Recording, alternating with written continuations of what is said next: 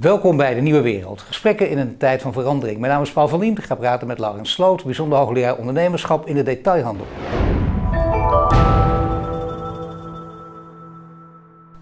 Welkom. Ja, dankjewel. Kijk, eh, de mensen die jou op Twitter volgen, die weten deze man eh, stevige talen. Ik zal even, eh, even van je laatste tweets, die ging over... ik mis een groot plan. Meteen nadat het kabinet eh, bij monden van Hugo de Jonge en Mark Rutte het volk had toegesproken. Ik mis een plan, oftewel Nederland is een land zonder plan. Wat bedoel je daar precies mee? Nou, het was eigenlijk een tweet eh, die ik al eh, in de zomer had geplaatst. Want ik hou er niet zo van om een koe in de kont te kijken. Dat kan iedereen namelijk. Hè. Dus ik wil graag kritisch zijn op het moment dat eh, er nog beleidsruimte is. Ehm, en, en, wat je natuurlijk merkte, zeker zeg maar richting de zomer, dat die eerste golf die was behoorlijk uh, nou, weg, weggedrukt zeg maar, of ingedrukt. En uh, ja, Hugo de Jonge ging op vakantie, dat gunnen we hem natuurlijk uh, ook. En, en eigenlijk ja, ontstond er zo'n idee van we hebben, we hebben eigenlijk de hamer toegepast en nou, het grootste probleem is, is voorbij. En wat ik eigenlijk al vanaf het begin merk als het gaat om de bestrijding van de coronacrisis is natuurlijk uh, eigenlijk een enorme onderschatting van het uh, virus. Terwijl in mijn ogen de beelden vanuit Wuhan eigenlijk uh, ja, boekdelen sp spraken. Um, en eigenlijk, je merkt gewoon continu dat men achter de feiten aan, aan, aan loopt. En dat, dat ook in Nederland pas echt harde maatregelen genomen kunnen worden op het moment dat er draagvlak is. Maar je zag die zomertweet, die bleef gewoon, ja. dat, is, dat is het pijnlijke, die bleef gewoon kracht houden. Want op, er werd onmiddellijk door heel veel mensen op gereageerd, meteen ook naar de persconferentie. Ja. En dan denk je, ja zie je wel, dat, dat, dat, dat, kun je, die kun je over een tijdje weer plaatsen. Dat is helemaal erg. Ja, het geeft aan dat er geen plan is. Ja, van, en, en eigenlijk met name een plan van hoe kunnen we eigenlijk die economie weer laten draaien. Dus hoe kunnen we eigenlijk weer open gaan uh, op een veilige manier. Um, en, en uh, ik moet zeggen, dat zou nu wel sneller bij, dichterbij kunnen komen, nu die sneltesten beschikbaar komen, uh, die, die, ook goedkoper uh, worden. En bijvoorbeeld mijn vrouw werkt in een, in een zorghuis, daar hebben ze meteen 400 van die sneltesten ingekocht voor 8 euro per stuk. Ja. Um, en op het moment dat er dan ergens een corona-uitbraak is, dan kunnen ze ook eigenlijk in twee uur tijd zeg maar, een hele afdeling personeel testen. En dan kun je dus heel snel weten, oké, okay, die is wel inzetbaar of niet inzetbaar. En, en dat bedoel ik eigenlijk met hoe kun je eigenlijk zo snel mogelijk weer gewoon draaien? Want uh, een sector op slot zetten, zoals dat nu bijvoorbeeld gebeurt met de horeca of de sport voor de amateurvoetbal uh, verbieden, dat is natuurlijk niet een oplossing. Nou ja, dat is precies waar het over gaat. Hè. Er zijn, denk goed na over allerlei mogelijkheden hoe we hier iets aan kunnen doen. Oplossen, misschien kun je het niet oplossen, maar moeten we een, manier vinden om mee te leven? Dat is misschien toch wel belangrijker, want wie weet hoe vaak het nog terugkomt. Maar ook in die richting, helemaal niets in die richting zelfs. Het blijft toch voorlopig bij pleisters plakken. Wat je in het begin ook begreep.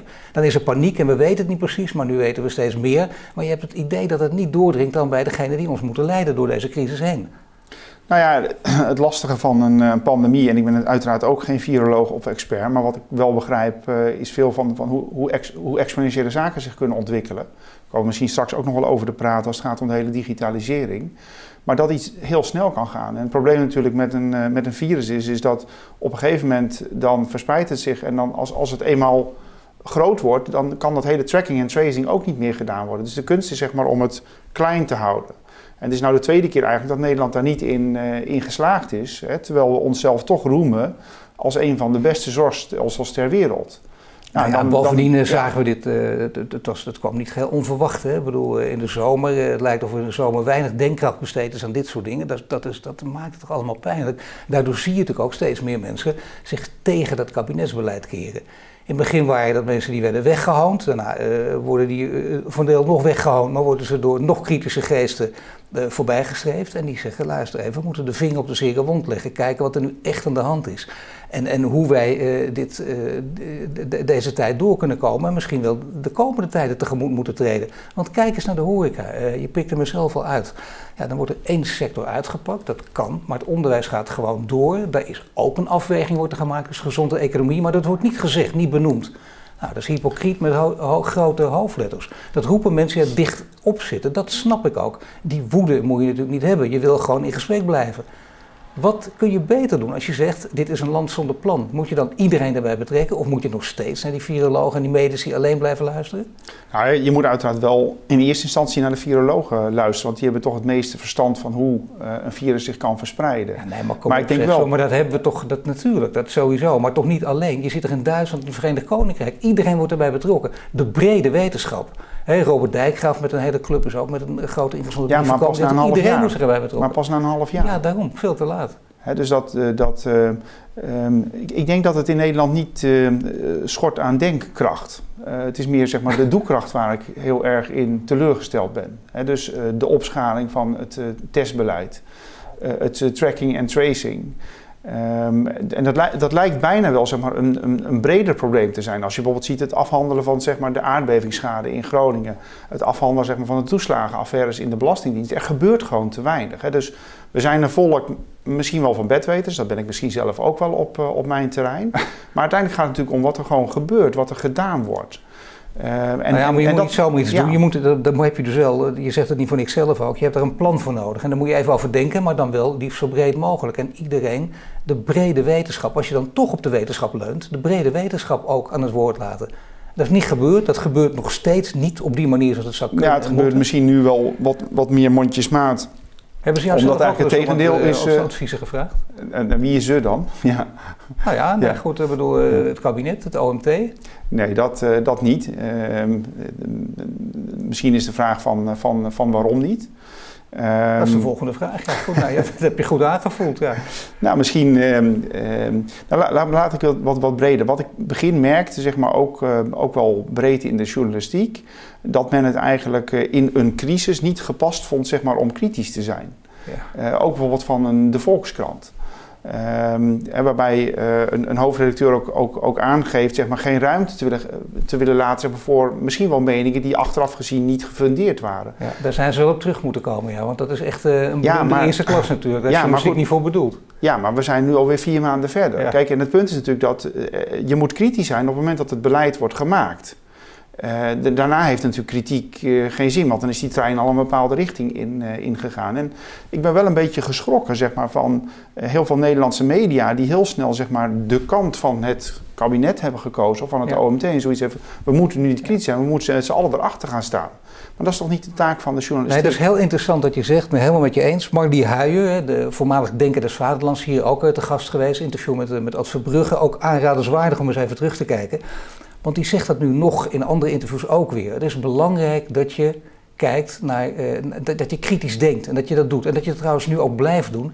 En ze zegt, ze mist dat overal. Maar het gekke is vooral ook, uh, als je iets zegt, word je meteen een hoek gedouwd. Oh, dan zul je wel uh, in, de, in de hoek van Willem Engel of Donald Trump zitten, als je dat vindt. Of je zult wel andersom, hè, je zult uh, een democraat zijn of een social justice warrior. Niet nadenken wat er gezegd wordt. Dus je kunt niet meer gewoon open kritisch denken. Dat klimaat krijgen we een beetje, of niet?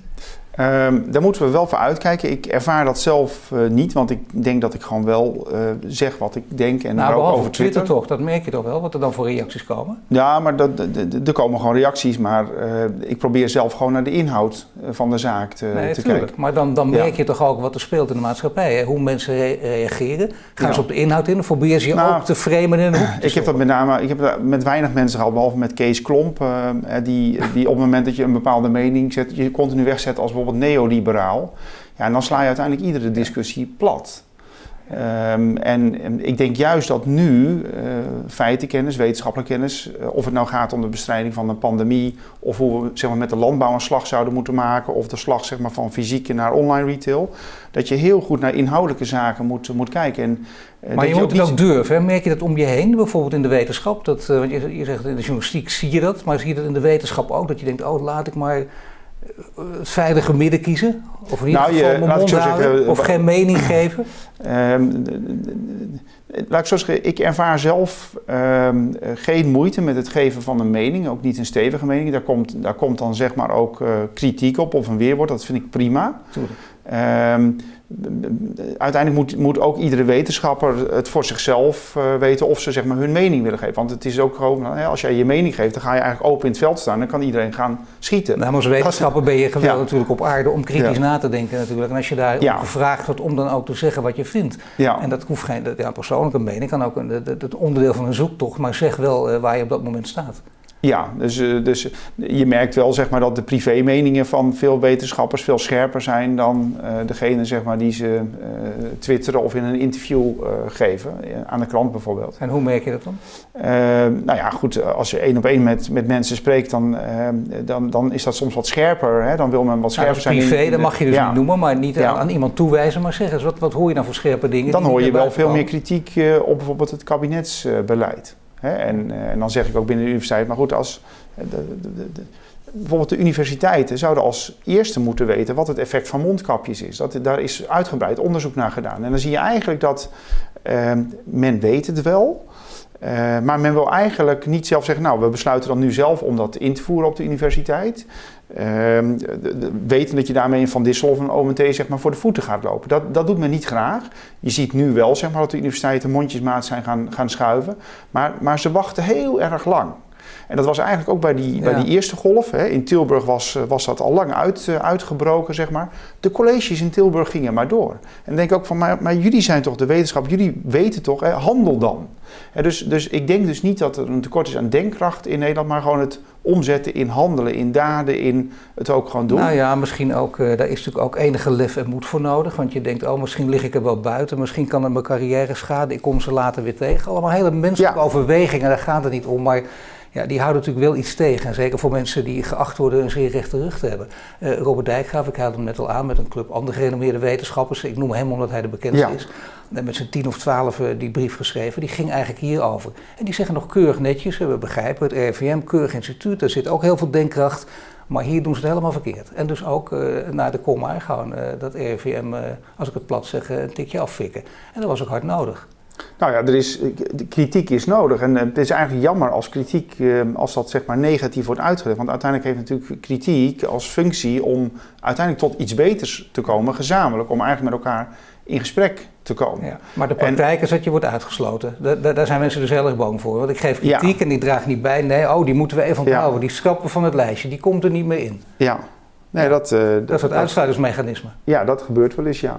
Ja. En uh, ik, ik, heb dat, ik heb dat ook wel eens gehad, bijvoorbeeld met Business News Radio, dat je een uitgebreid voorgesprek hebt en, uh, en dat je aangeeft hoe je er tegenaan kijkt. En, en vervolgens zou, hè, dan krijg je wel een paar uur later te horen van ja, dat thema in de uitzending gaat toch niet door. En dat je eigenlijk dan nooit weet van nou, komt dat nou omdat er iets anders belangrijk tussen is, uh, is gekomen? Of komt dat omdat ja, je mening niet goed past in, ja. het, uh, in het item? En dat weet je dan eigenlijk Ja, maar dat vind ik wel een ander, dat weet je dan niet. En ik ken die zender bijvoorbeeld, ja. een uitstekende zender, ja. mag ik wel zeggen, bij de Absoluut. radio. Ja, zeker. Maar dus zelfs daar heb ik het gemerkt. Kan me dat bij niet, nou, ja. zeg je, je weet het dus niet. Hier weet je niet. Het kan ook best zijn dat ze denken, nou, dat is niet zo interessant wat hij te melden heeft. Nou, ik heb zelfs wel eens gemerkt dat ze zeiden het thema gaat weg en de volgende ochtend zat er een, een spreker die het thema behandelde. Maar dat was een andere spreker. Met een andere mening ook? Met een andere mening, ja. Maar weet je dan waar het over ging? Wat was het dan precies? Welke mening was dan onwelgevallig? Ja, dat zou ik dan weer eventjes moeten, moeten terug, uh, terughalen. Maar ik heb, het, ik heb het een paar keer meegemaakt, laat ik het zo maar zeggen. Niet, niet alleen bij Business News Radio, ook, uh, ook wel eens bij andere, andere media. Nee, toch, maar, dat, maar wat, ja. wat is dan, dan, dan ga je een rode draad op zien. Dan denk je, wat, wat vinden ze dan lastig in jouw meningen? Wat, wat willen ze liever niet voor het voetlicht brengen? Ja, dan, dan zou ik dat specifiek moeten terughalen. En daar heb ik me nu niet op, op, op voorbereid. Hij zit te veel in het neoliberale hoekje. Daar word je geframed. Ja, dat, dat is in algemeenheid wel. Hè, maar en, zit je ook in die hoek ja, of niet? Nou, voor mijn gevoel helemaal niet. Hè. Dus wat, wat ik wel tegenwoordig doe, is als je een interview geeft aan bijvoorbeeld de Volkskrant of Trouw of NRC, dat je, dat, dat je altijd vraagt zeg maar, om het, of ik het na mag lezen. Um, uh, de, of je juist geciteerd wordt, maar of het ook in de juiste context uh, geplaatst uh, oh, wordt. dat gaat toch ver, ja. Want ja. gebruik, even voor mensen die dat niet weten, maar dat is in de, in de journalistiek altijd al gebruik. in Amerika doen ze het niet, wij hier in Nederland wel, deed ik ja. ook al mee, iedereen, ja. omdat je, dat, dat is een soort etiketten. Op feitelijke onjuistheden mag je iets checken. Dat is ook helemaal niet slecht, want ik schrijf 1905, het moet 1906 en dat wil ik wijzigen. Maar de geïnterviewde maakt altijd misbruik van, in vaak gevallen. denk oh, maar dan wil je dit ook uit, dat, dat ook. Want dat heb ik toen gezegd. Dat is flauwekul natuurlijk, heb je toen gezegd moet je ook laten zeggen. Maar de context is wel, wel gevaarlijk, vind ik. Want dan moet je toch aan de, aan de, andere partij overlaten. Ja, maar kijk, als, als jij niet weet zeg maar, vanuit welke, uh, zeg maar, in welke context jouw woorden worden, geplaatst. Hè, ik heb ooit een, een interview gegeven aan de Volkskrant. Dat ging over uh, uh, eigenlijk de Ahold-affaire. Dat was al rond 2002, 2003. Um, en um, daar had de journalist eigenlijk vragen gesteld van ja, van um, hoe zit het met de winstgevendheid van, uh, van Albert Heijn? En nou, die winstgevendheid was goed van, uh, van Albert Heijn en was ook beter zeg maar, dan veel, van de concurrenten. Maar dat, werd, dat citaat werd uiteindelijk geplaatst in de context van waarom Albert Heijn zo duur is in, uh, in Nederland. En dan is het eigenlijk de context zeg maar, waardoor een uitspraak in een, een heel ander daglicht ja, dat is heel slecht. Dat is heel ja. irritant. Ja, en, dat is net als heel makkelijk verkeerd knippen Jij zegt ja, en die hou ik even apart en dan laat ik jou ja zeggen op een vraag die ik nooit gesteld heb. Ja, en, en op dat moment was dat heel gevoelig. Uh, een jaar later is Albert Heijn toen ook uiteindelijk een prijzenoorlog uh, begonnen. Maar ja, dan heb je op dat moment wel even de, de directie van Albert Heijn aan de, aan de lijn van, hè, van, van, van waarom zeg je dit? En dan zeg je ja, maar, maar zo is dat interview niet, uh, niet gegaan. Um, en nou is het niet zo dat dit schering en inslag is, maar um, voor, voor mij is het wel standaard dat zeg maar, als ik een interview geef met bijvoorbeeld nationale media, dat ik toch wil nalezen. Uh, in dit geval hoeft het niet, want het is gewoon live en er wordt hier niet ja, geknipt. Nee, live dat, on tape. Ja, nee, heel goed. Dus dat, uh, nee, dat uh, nee, maar, maar hè, dus, dus ik vind die context dus wel, wel belangrijk. in, in welke nee, hè, dus, um, en, dan, en dan kan het nog steeds zo zijn dat je feitelijk gezegd hebt wat je hebt gezegd. Maar als het dan in de aanloop zeg maar, van een, een andere zeg maar, argumentatie wordt gebruikt, dan kan het heel anders overkomen. Nee, dan wordt het inderdaad in zekere zin uh, ja, gewoon in een, in een, ander daglicht gesteld. Ja, dat klopt. Of ja. bijna uit het verband gerukt. Nou ja, dat gevoel heb je dan, uh, dan wel. Overigens was dit een uitstekende manier om in contact te komen met de directie van, van Albert Heijn. En dan leg je uit hoe dingen zijn gegaan. En als er zeg maar, zolang er ruimte is voor gesprek en argumentatie, dan ontstaat er eigenlijk altijd ook begrip. Nou, hier moet je kijken, ja. daar heb je het al. Ja. Kritiek leidt tot begrip, zet verschillende partijen bij elkaar aan tafel. Wat wij hier ook uh, doen en steeds vaker zullen gaan doen. Um, een paar dingen, want we gaan, nu, we gaan nu praten over, over de zaken waar je nog veel meer van weet. Dit, dit is een beetje de achtergrond, eigenlijk, de situatie waarin je opereert. En waar je nu mee in deze wereld ook mee te maken hebt. Uh, je weet veel van detailhandel, je weet heel veel met name van, van supermarkten, waar we zo meteen over praten. Over de wereldvoedselrevolutie kunnen we het ook hebben. Maar we beginnen met de uh, situatie in de detailhandel. Daar gaat het voor sommigen goed, supermarkten, bouwmarkten. Daar gaat het voor anderen desastreus slecht. Mode, retail, ook ja. veel mensen hier aan tafel geweest. Uh, onder andere Jan Meerman, voorzitter ja. van In Retail, de, de, de, de, brancheorganisatie. En die, zegt, die zei een paar maanden geleden al 40% staat op omvallen. Er gaat er maar vanuit dat het nog meer gaat worden. Hè? Vooral als, als het, uh, dit beleid zo krakkemikkig beleid als het nu is.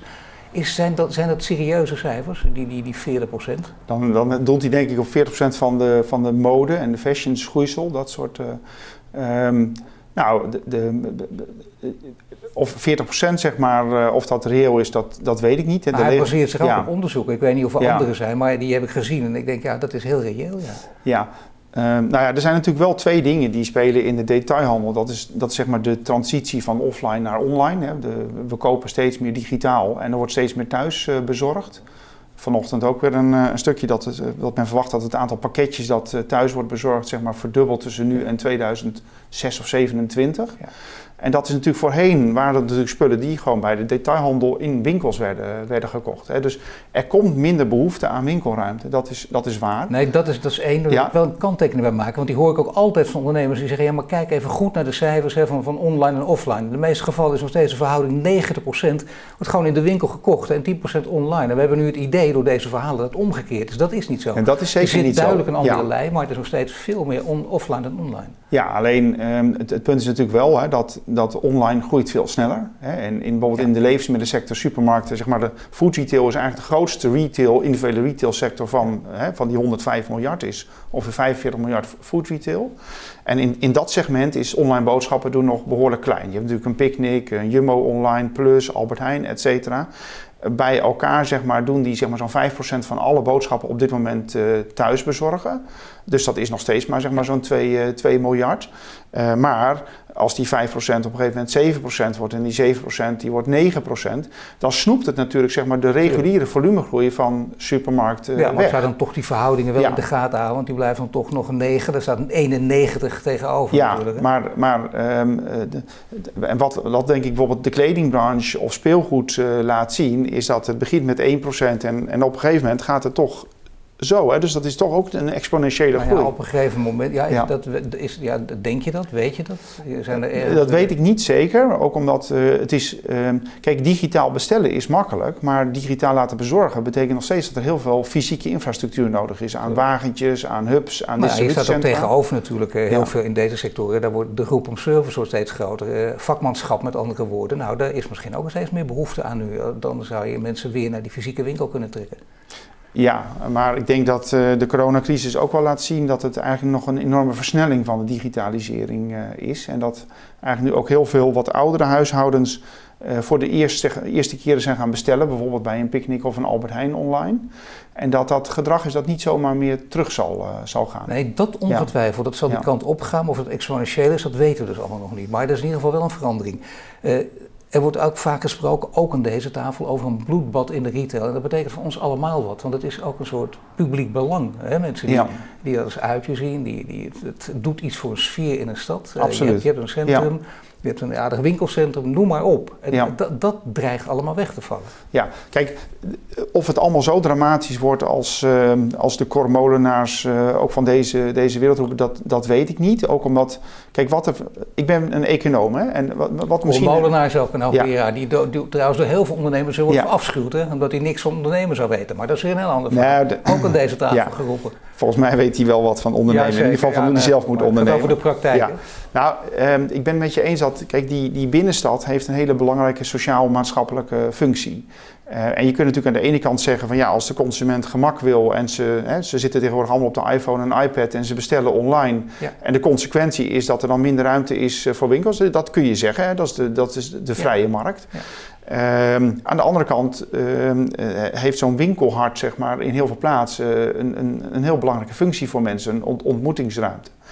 Um, en um, daar kun je als gemeentes wel over nadenken. Bijvoorbeeld of je uh, winkelgebieden zeg maar, buiten de, bijvoorbeeld op het industrieterrein plaatsvindt. Uh, of dat je zeg maar, of over, overal een logistieke hub geopend mag worden van retailer A of retailer B. Uh, dus je kunt dat natuurlijk wel versnellen of iets vertragen. Kijk, uiteindelijk ga je die consument niet tegenhouden. Dat is één. Twee, wat je natuurlijk al 10 of 12 jaar ziet, is dat de prijzen voor winkelruimte zijn aan het dalen. Dus de huurprijzen dalen, die waren vroeger sky high. Naarmate die leegstand toeneemt, dalen toch die prijzen. Dat is toch een beetje de, de wet van vraag en aanbod. En dat betekent ook dat er opeens heel veel ruimte is gekomen voor nieuwe retail. Hè? Uh, tandartsen die opeens in de binnenstad uh, zitten, tattoo shops. Uh, uh, allerlei vormen van, van leisure, avontuur. Dus het geeft ook wel ruimte. En, en uh, daar wilde ik even aan refereren. Ik was ooit in de jaren negentig in het Yellowstone Park in Amerika. Ja. en dat, nou ja, ik hou erg van de natuur en ik was op vakantie met mijn vrouw. Alleen een flink gedeelte was afgebrand. dus dat zag er zwart geblakerd uit en dat was één grote ramp was dat. Maar ze kwamen er eigenlijk toen ook achter dat het een enorme goede vernieuwer van dat bos was. En dat er bijvoorbeeld bepaalde dennensoorten waren waarvan de appels eigenlijk, de, de dennenappels pas open gingen als de temperatuur 600 graden of hoger was geweest. Oftewel, die hadden af en toe een bosbrand nodig om dat bos te revitaliseren. Ja, de bosbrand komt goed uit. Ja, en dat, en dat heb ik eigenlijk altijd wel in mijn oren geknoopt. Is dat, dat uh, je moet ook af altijd... de boel gewoon de fix. Nou ja, je moet verder dan het drama kunnen kijken. Ja, nee, en en uh, natuurlijk is het een drama als er winkelketens failliet uh, gaan. Uh, maar het biedt vaak ook weer ruimte zeg maar, voor nieuw elan, uh, voor jonge ondernemers. Die vroeger waren de startkosten te hoog. Nu opeens kunnen ze een pand huren voor een derde van, uh, van, van de prijs. Dus het geeft vaak ook weer nieuwe dynamiek. Ja, nou ja het gaat er meer om, dat, dat, dat, dat snap ik. Maar je hebt natuurlijk nu wel, laten zeggen, MKB, de motor van de samenleving, familiebedrijven, altijd hoog geprezen door alles en iedereen, ook door het kabinet.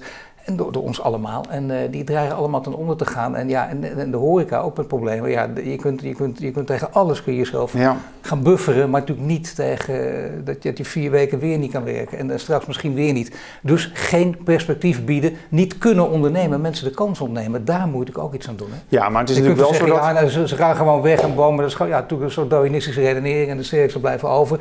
Maar zo is het natuurlijk ook weer niet. Hè? Want hele sterke, hele mooie bedrijven gaan juist ten onder. En ja. kunnen daar niets aan doen. Dat is natuurlijk zonde. Nou, kijk, laat ik zo zeggen. Ehm, we hebben in Nederland gelukkig hele goede ondersteunende regel, regelingen, zoals de NOW. Hè? Dus, dus daarmee kun je nog een tijd overbruggen.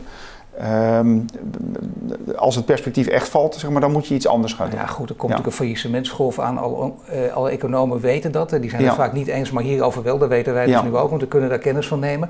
Dus dat betekent dat, dat dat gebeurt allemaal. En dat komt vaak omdat ze inderdaad bijvoorbeeld een, een mooi bedrijf hebben opgebouwd, hun best hebben gedaan. Uh, mensen vaak lang in dienst ook. Hè. Het is een familie geworden, letterlijk.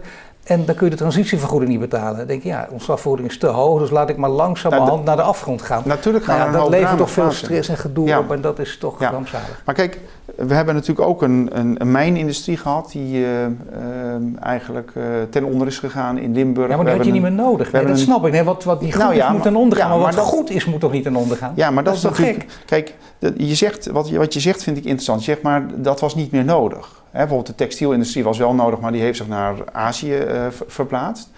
Eh, kijk, wat je hier natuurlijk ziet is dat, dat heel veel retail verplaatst zich richting online.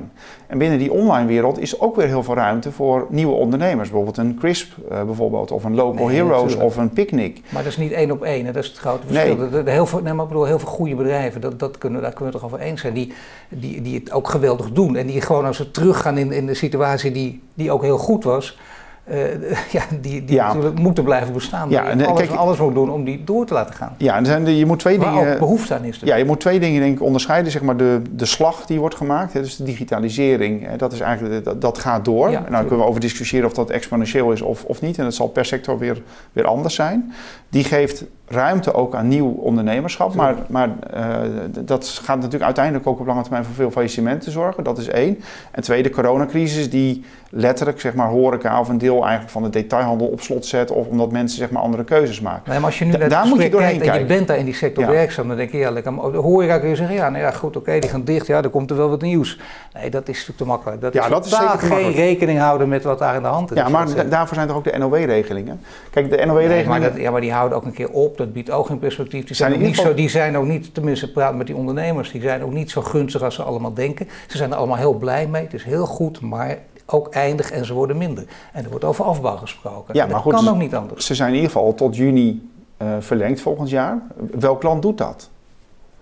Dus, dus het is genoeg ook om op deze nee, manier? Nee, dat, dat zeg ik niet. Alleen, uh, laat ik zo zeggen, als, als wij hier zeg maar constateren dat wij hier in Nederland al een probleem hebben, hoe zit het dan in Zuid-Europa of in, in nagenoeg alle andere landen ja, in de wereld? Dat is ook een, met enorm, minder, dat ja. is ook een enorm probleem op alle gebieden. Laten we het alsjeblieft niet nog eens, want dan wordt het, dat is wel, we hebben allemaal mee te maken. Dat kan tot nog grotere crisis leiden. Nog meer reden om een echt plan te hebben, dus om wel degelijk uh, na te denken. Ja, maar we moeten, laat ik zo zeggen, we moeten ook de zaak niet dramatiseren in dit geval, want uh, zeg maar de, de CPB-voorspellingen zijn dat die werkeloosheid dan uiteindelijk tot ja, 2, 3 procent gaat oplopen. Ja, maar CPB, kom op. Ja, dat, die nou, zeggen dat, zelf ook, dat kun je niet. Ja, als alle omstandigheden nee, maar, zo blijven, dan nee, niks, ze hebben, niks ergs meer gebeurt. Dat is niet waar, want ze hebben scenario's voor de, voor de eerste, voor, voor of er wel of niet ja. een tweede golf komt. Scenario's maar, zijn moeilijk in, in dit soort omstandigheden.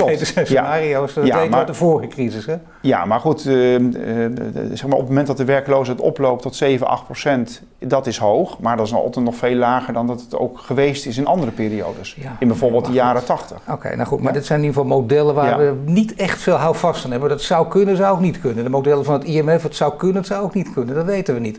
dat is heel vaak als alles zo blijft. We, zien, we leven nu onzekere tijden. Dus eh, misschien we leven, andere, we leven altijd... een andere, een andere veel ja. onzeker dan ooit. Dus misschien een andere manier van denken geboden.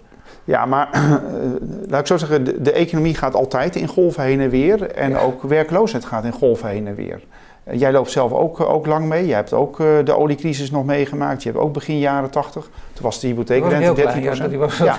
Nee, maar daar zijn, we toch ook, daar zijn we toch ook allemaal met z'n allen goed doorheen gekomen. Ja, nee, maar dat is natuurlijk. Maar dan, is het, dan gaan we achterover liggen en zeggen: ja, de cyclus. Het nee, zeker gaat, niet. Het gaat er juist om dat we nu denken: hoe doen, wat voor maatschappij willen we op zo'n moment in de, de, de maatschappij? In nou ja, goed. Ik heb, hebben we aanbeland. Met de decaan van de Rijksmunt Groningen, Peter Verhoef, uh, daar hebben we wel een opiniestuk geschreven over hoe je eigenlijk de transitie van offline naar online iets kunt afremmen. Laat ik het zo maar zeggen. Tegenhouden kun je niet, moet je ook niet. Als de consument op een andere manier wil bestellen, dan. Uh, dan is dat, eh, is dat zo. Maar wij hebben wel gezegd van, goh, je zou eens moeten nadenken over een bezorgbelasting. Hè? Want al die busjes, uh, dat zorgt ook voor veel verkeer. Het zorgt voor veel extra CO2-uitstoot. Uh, het zorgt ook voor overlast, soms voor, uh, voor buren.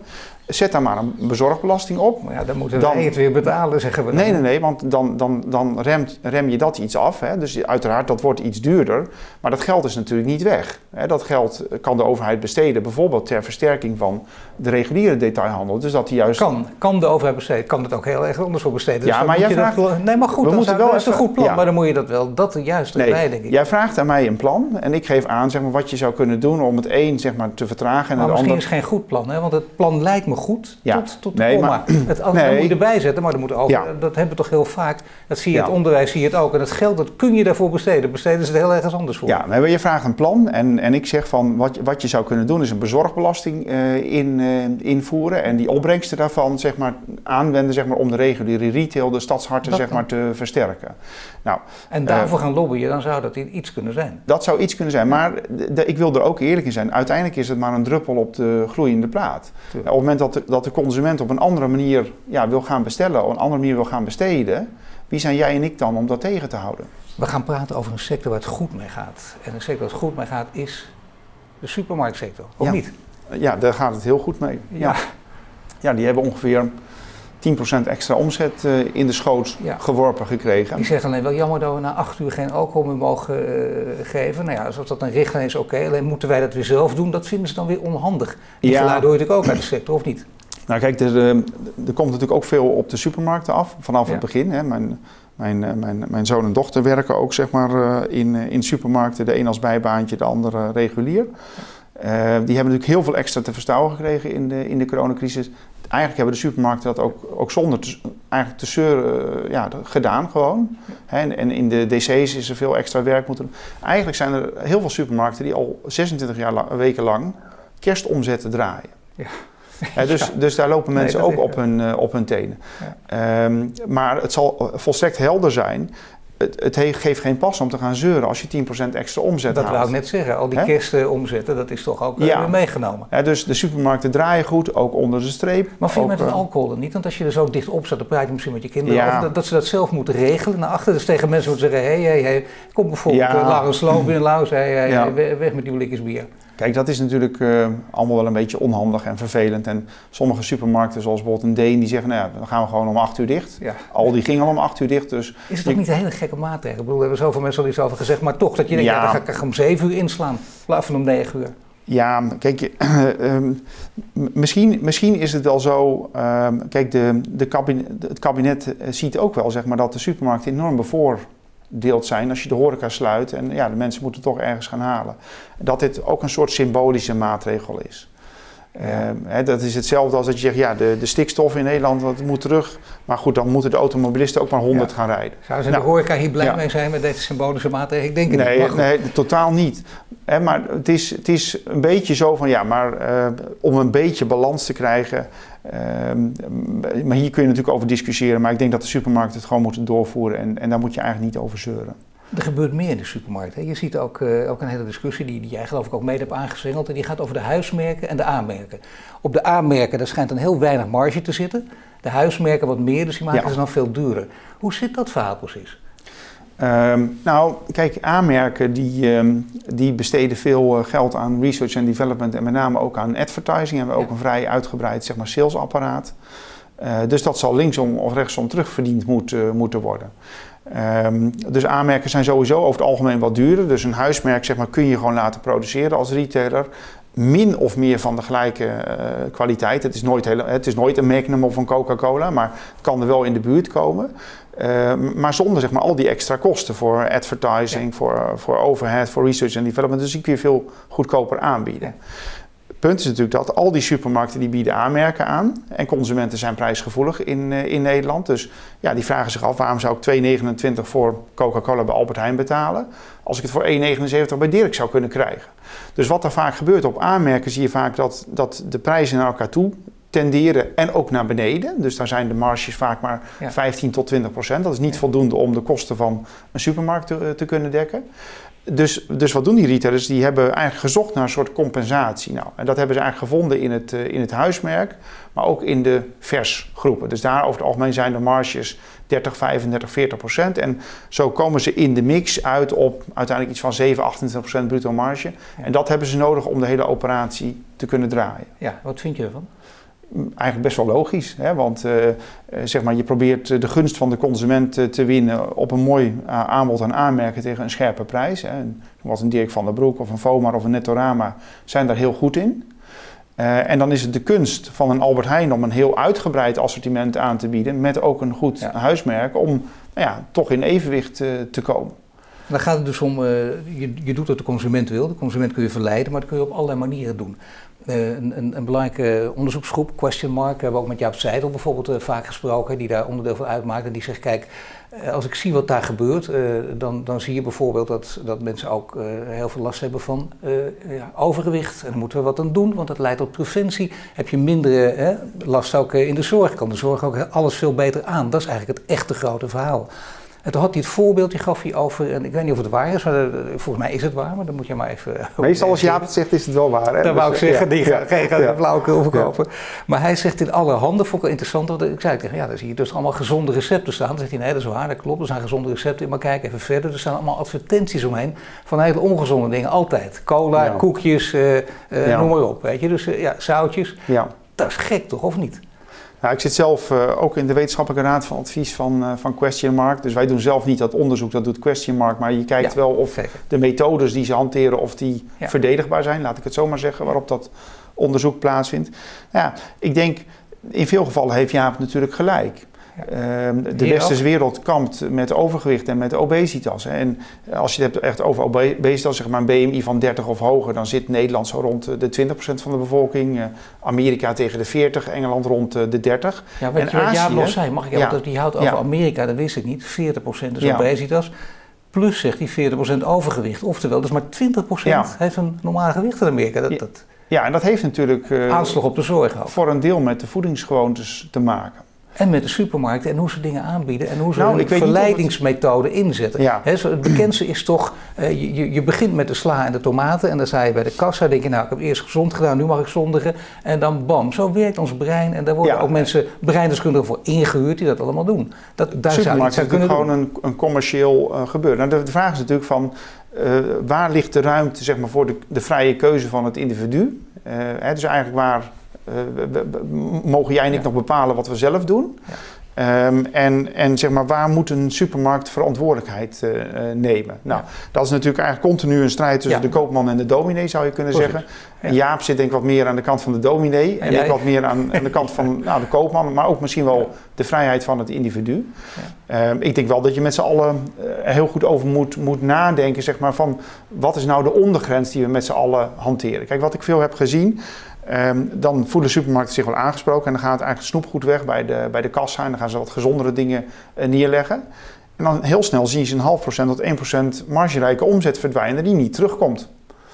Um, Zo gaat het altijd. En, dan, en dan, dan uiteindelijk schiet je je dus in, in je eigen, eigen voet. Nee, zeker. Dat zou heel raar zijn dat je op die manier heel de verantwoordelijkheid allemaal bij de supermarkten legt en zichzelf in de eigen voet laat schieten. Oftewel, heel gek dat gezond voedsel steeds duurder is. Want we hebben hier ook met Rob Baan gesproken van Corporate Cash, die zegt dat ook. Hè?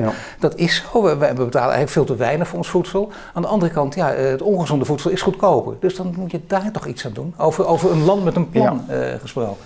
Ja, um, kijk, ehm, even, ik wil het in tweeën hakken, deze discussie. Want, want um, de vraag is nou, natuurlijk of, of de supermarkt... Zeg maar, ja. Nee, maar goed, kijk, de vraag is natuurlijk van hoe komt het nou dat die obesitas in Amerika zo hoog is... terwijl zij grotendeels ook een van origine westerse bevolking hebben...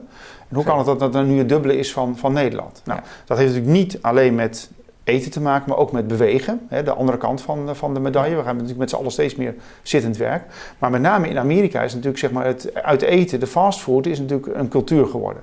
Ja. En laten we wel zijn, als je gewoon nog naar de supermarkt gaat en je kookt je eigen spullen, dat is heel veel beter dan continu uit, uit eten gaan. Of even snel tussendoor bij ja, de dan pak je de horeca natuurlijk weer ja, de restaurants weer... Eh, we hebben nu over hoe je dat gezondheidsprobleem moet... Eh, moet nou, we, we zien juist, dat valt maar, bedoel, het is niet om het ingewikkeld te maken, maar juist om, om het nog transparanter en duidelijker. Je ziet juist dat steeds meer met elkaar samenhangt.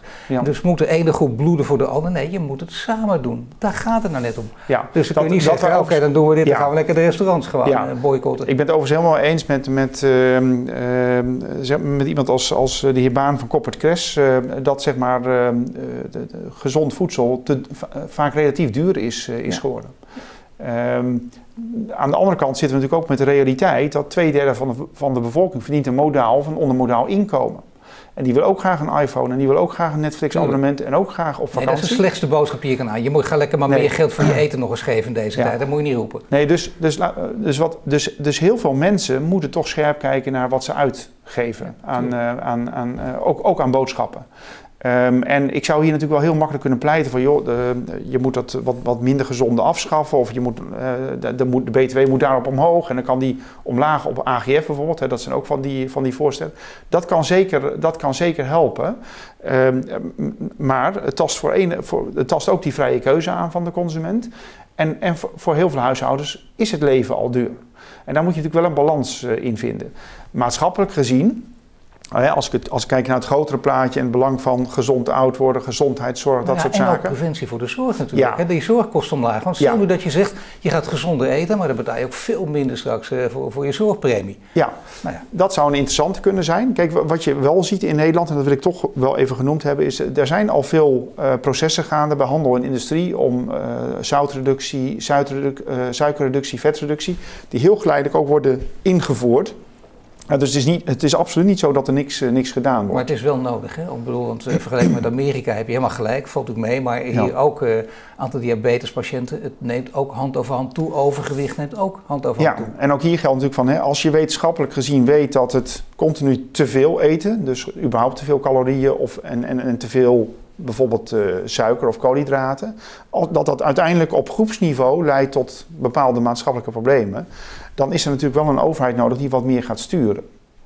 Dus daar ben, ik het, daar ben ik het wel mee eens. Ja, dus dat betekent ook, nee, goed, maar dat zie je dus ook. Hè? Mensen die die eerste, die hele kleine overheid, die mag wel ietsje groter worden, maar vooral ook, uh, of die mag helemaal niet sturen, toch een beetje sturen, omdat het gewoon anders onoplosbaar is. Maar wel kritisch blijven tegen die overheid, want daar hebben we natuurlijk ook hele slechte ervaringen mee. Ja, maar daar hebben we natuurlijk om wet en regelgeving die voor iedereen gelijk is. Hè? Dat, en dat vind ik wel interessant, bijvoorbeeld in Engeland is op een gegeven moment de suikertax uh, ingevoerd. Nou, echt in no time had de industrie zeg maar, de producten geherformuleerd. dus bedrijven kunnen wel degelijk schakelen. Ja. Maar het punt is, is net zoals het weghalen van snoep bij de kassa. Als ik dat als enige doe, dan ben ik degene die een omzetnadeel Zo uh, weet het altijd. Dat kun je ook uitrekenen per kassa, krijg je dan zoveel minder inkomsten. Ja, dus dat je ziet het snel genoeg. Hè? En, ja, dus de kunst is op het moment dat je ziet van nou, maatschappelijk is iets niet verstandig als we zo door blijven gaan. Dat je zegt we moeten hier iets af, afwijken. Dat kan zijn een suikertax of ja, daar kun je zeg maar, in de belastingwetgeving wel wat, wat doen.